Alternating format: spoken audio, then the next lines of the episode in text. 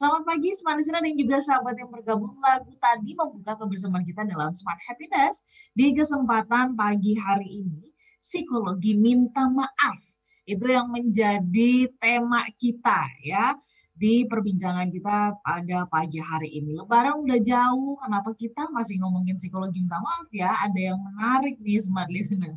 Dan pas banget juga gitu ya, beberapa hari yang lalu smart listener ketika saya uh, berjumpa dengan sahabat saya, tuh sahabat saya mengatakan gini, ini orang uh, sebenarnya beneran minta maaf atau kayak eh, pura-pura doang sih gitu ya, cuma lip service doang, kok kayaknya masih masih kelakuannya masih begitu aja gitu terus kok pagi hari ini kita ngebahas tentang psikologi minta maaf saya bilang ini memang agak inline ya nyambung gitu. jadi saya mengalami itu lebih dulu sebelum kita ngebahas ini gitu.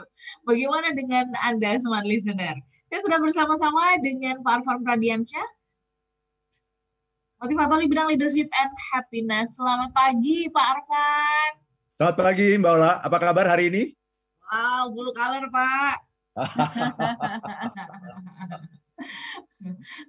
Nah ini kan menarik ya, ini banyak yeah. mungkin begitu ngelihat temanya gitu ya, udah kita share gitu dari kemarin.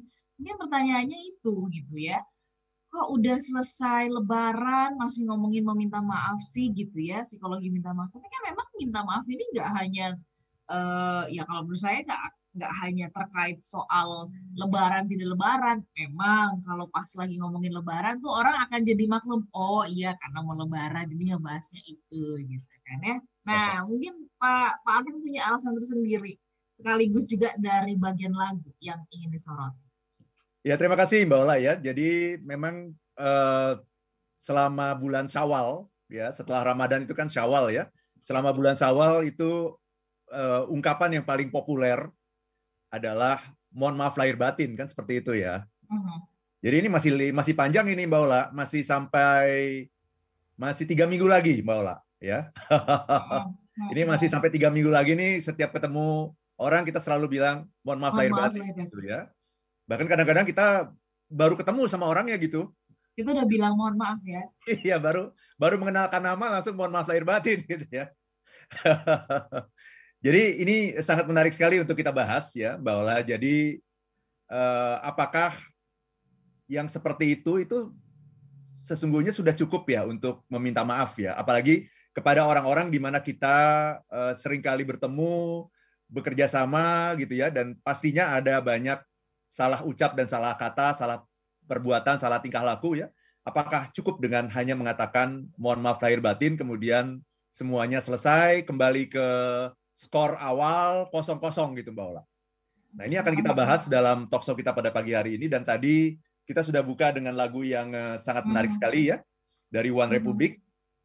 Uh, ini lagu tentang seorang uh, kekasih ya yang meninggalkan kekasihnya kemudian setelah lama baru sadar ya baru merasa menyesal dan kemudian minta maaf gitu. Tapi tadi dikatakan dalam lagu ini um, it's too late to apologize. Sudah terlambat kalau kamu mau minta maaf sekarang ini. It's too late. Sudah terlambat. Ya, jadi berkali-kali dia katakan ini sudah terlambat untuk minta maaf gitu Mbak Ola.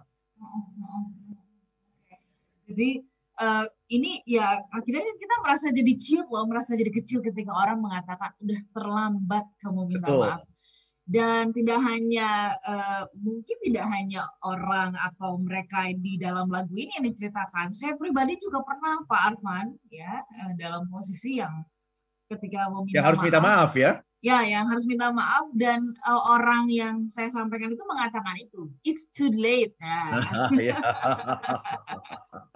Terus apa mesti dilakukan? Nah, ini yang kita mau undang dulu ya sekalian uh, smart listener untuk bisa ikutan berbincang juga smart listener. Kalau ada di antara anda ya pagi hari ini yang punya pengalaman ya uh, ketika orang lain yang anda mintain maaf terus mengatakan udah terlambat ya itu apa yang anda lakukan ya? Anda diemin anda uh, apa cuek aja atau kayak gimana? Atau anda merasa yang penting saya sudah minta maaf begitu ya silakan Anda boleh sharing. Atau Anda sendiri pernah nggak sih punya pengalaman mengucapkan ini kepada orang lain terus Anda ngerasa nyesel banget ya kenapa ngomong begitu ya. Padahal kalau kelihatannya dari wajahnya atau dari niatan orang ini kayak serius kok mau minta maaf. Nah, Anda juga bisa sharing ke 0812111299 atau Anda bisa live chat di YouTube channel Smart FM. Kami jadi sesaat maaf atau Anda memberikan maaf atau memaafkan ya. Kalau Anda punya pendapat uh, meminta maaf itu sulit atau tidak sulit, silahkan. Anda boleh kasih komentar, kasih pendapat ya ke 0812 11 12 959. Kita tahu ya Pak Arfan bahwa uh, ya manusia ini kan nggak ada yang sempurna. Kita semuanya tuh pasti pernah melakukan kesalahan begitu ya. Nah, uh, benarkah bahwa sebenarnya nih gitu ya kalau dalam pandangan saya meminta maaf ini kan adalah uh, niatan ingin memperbaiki situasi atau hubungan atau keadaan gitu. Atau um, ya ini hanya sekedar uh, supaya uh, supaya kita terlihat uh, bukan supaya kita terlihat artinya supaya hubungan tetap baik baik saja bagaimana tanggapannya Pak Arfan? Ya terima kasih Mbak Ola ya jadi minta maaf itu sesungguhnya adalah kalau diambil analoginya itu seperti super glue gitu.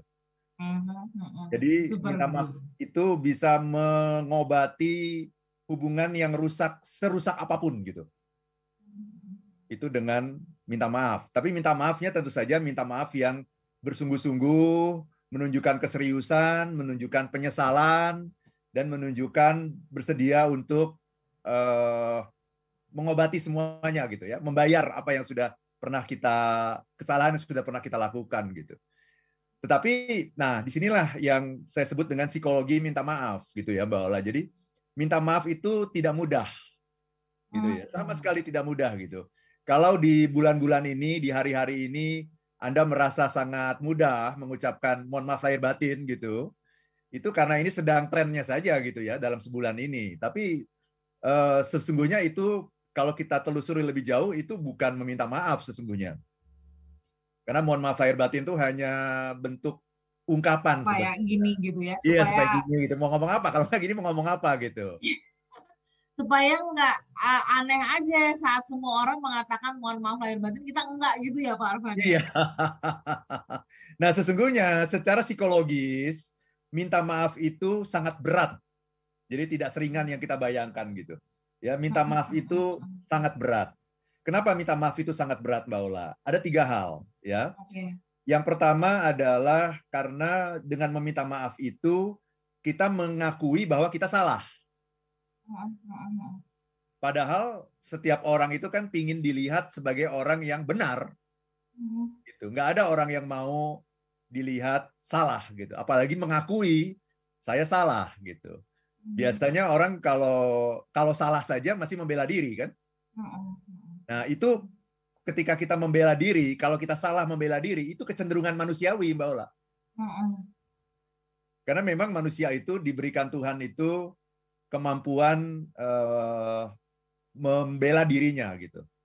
Namanya self defense mechanism gitu ya. Jadi kemampuan untuk membela diri itulah yang membuat kita bisa survive, membuat kita bisa hidup. Ya, membuat kita bisa tumbuh dan berkembang gitu. Karena karena kita mampu membela diri kita sendiri. Kan seperti itu kan? Kan ketika kita kecil kan orang tua kita kan yang selalu membela kita dan sebagainya. Tapi kemudian kita kan di apa dididik untuk menjadi mandiri. Nah, mandiri itu artinya apa sih? mandiri artinya kita bisa uh, membela diri kita sendiri gitu. Jadi memang kemampuan membela diri sendiri itu adalah sebuah insting gitu, Mbak ya. Ya. ya.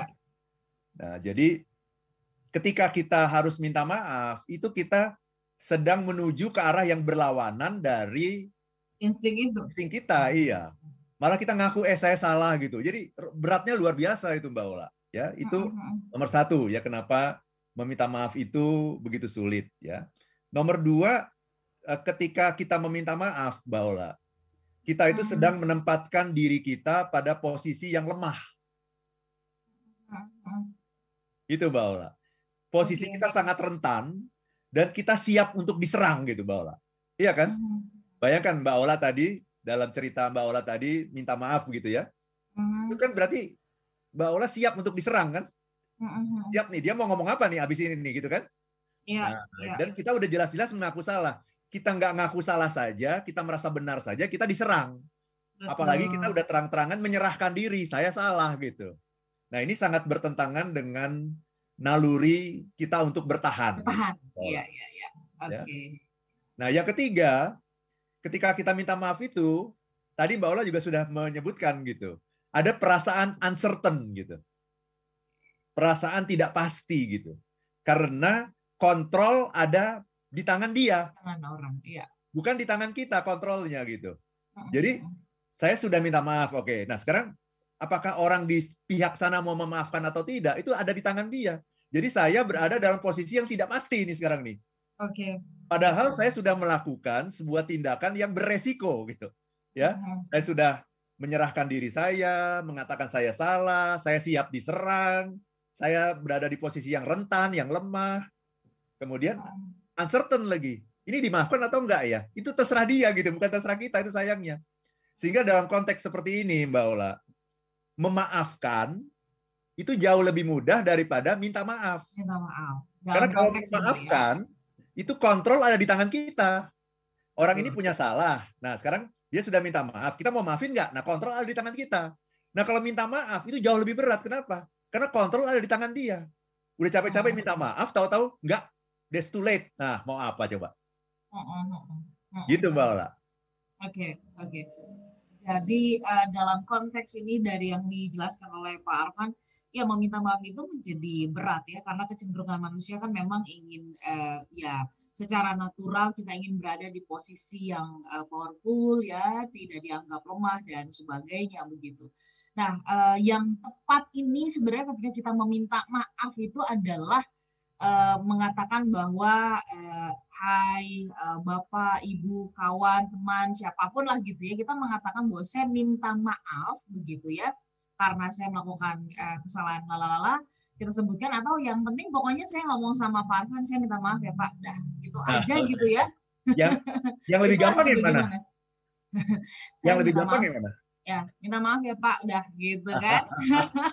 Nah, itulah itulah yang terjadi pada hari-hari ini kan. Mohon maaf lahir batin itu Ya. adalah minta maaf yang tidak spesifik. Untuk segala macam kesalahan yang kita menyebutkannya aja kita nggak berani menyebutkan kesalahannya apa gitu. Nah, bagaimana mungkin orang bisa memaafkan ketika kita tidak jelas menyebutkan kesalahan yang mana yang sudah kita lakukan gitu. Untuk mengobati luka pada diri seseorang, kita itu harus menye- menyebutkan gitu. Saya minta maaf untuk apa gitu. Karena saya sudah mengatakan apa, karena saya sudah melakukan apa gitu. Sehingga minta maaf saya menjadi sesuatu yang serius gitu karena saya berani mengakui gitu secara spesifik. Jadi minta maaf yang serius itu adalah minta maaf yang spesifik, Mbak Ola. Ketika kita tidak spesifik berarti kita tidak sungguh-sungguh, Mbak Ola. Mm-mm. Nah, itu berat sekali, makanya itu beratnya di situ gitu. Kalau hanya mengatakan saya minta maaf ya gitu. Ya minta maaf apa gitu. Itu itu tidak berat gitu, tapi minta maaf yang spesifik itu yang berat gitu. Itu yang harus melawan ego kita karena kita mengatakan spesifik itu kan sebetulnya apa? Menjelaskan kesalahan kita apa. Betul. betul.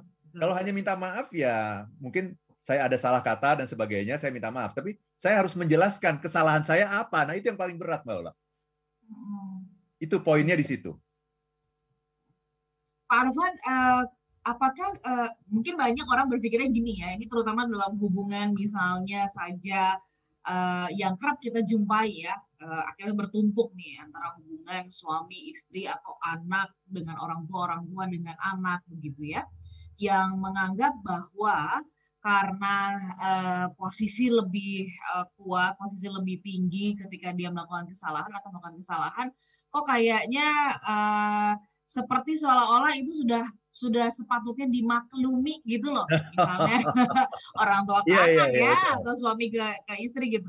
Itu seperti kalau secara psikologis kita lihat kayak sudah sepatutnya untuk dimaklumi gitu. Jadi kalaupun nggak minta maaf pun ya udahlah berbesar hati untuk memaafkan. Bagaimana tanggapan Pak Arfan tentang kondisi ini?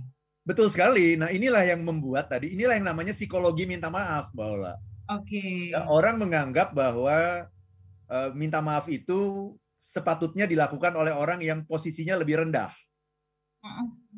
atau orang yang usianya lebih muda. Itu. Kenapa itu? Itu apa namanya? Itulah yang namanya ego sebetulnya gitu.